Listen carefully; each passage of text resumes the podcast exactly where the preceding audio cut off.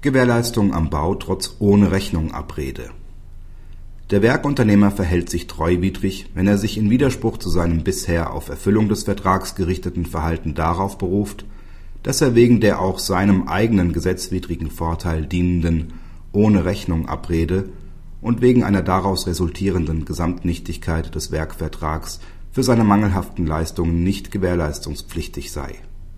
In einem Verfahren hatte der Kläger den Beklagten beauftragt, die Terrasse seines Hauses abzudichten und mit Holz auszulegen.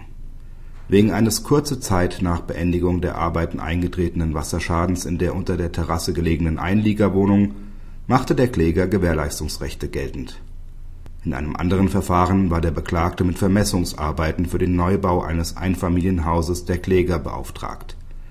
Nach deren Behauptung sind ihr Haus und ihr Carport infolge eines Vermessungsfehlers des Beklagten falsch platziert worden.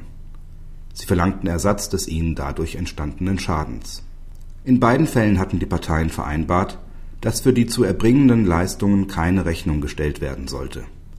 Im Hinblick auf diese Ohne-Rechnung-Abrede haben die Gerichte in beiden Instanzen der jeweiligen Klagepartei die geltend gemachten Gewährleistungsrechte wegen Nichtigkeit des Werkvertrags abgesprochen.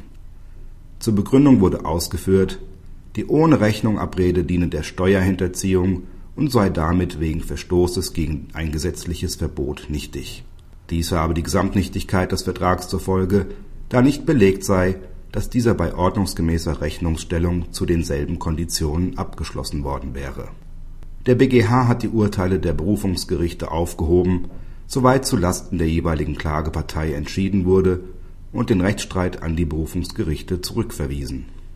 Der Senat teilt deren Auffassung, dass die wegen Verstoßes gegen ein gesetzliches Verbot nichtige Ohne-Rechnung-Abrede nur dann nicht zu einer Gesamtnichtigkeit des Werkvertrags führt, wenn der Vertrag bei vereinbarter ordnungsgemäßer Rechnungslegung zu denselben Konditionen abgeschlossen worden wäre.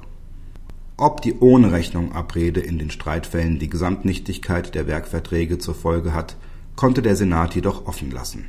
Nach den Grundsätzen von Treu und Glauben war dem Beklagten die Berufung darauf versagt. Dies ergibt sich aus der besonderen Interessenlage, die typischerweise bei derartigen mit ohne Rechnung Abrede geschlossenen Bauverträgen dann besteht, wenn der Auftragnehmer seine Werkleistung am Anwesen des Auftraggebers in mangelhafter Weise erbracht oder sich seine mangelhafte Leistung, wie bei Vermessungsarbeiten, im Bauwerk niedergeschlagen hat. Die sich hieraus ergebenden Folgen für den Auftraggeber lassen sich durch Regeln über die Rückabwicklung eines nichtigen Vertrags nicht wirtschaftlich sinnvoll bewältigen dieser Umstand und das daraus resultierende besondere Interesse des Auftraggebers an vertraglichen, auf die Mängelbeseitigung gerichteten Gewährleistungsrechten liegen für den Auftragnehmer offen zutage.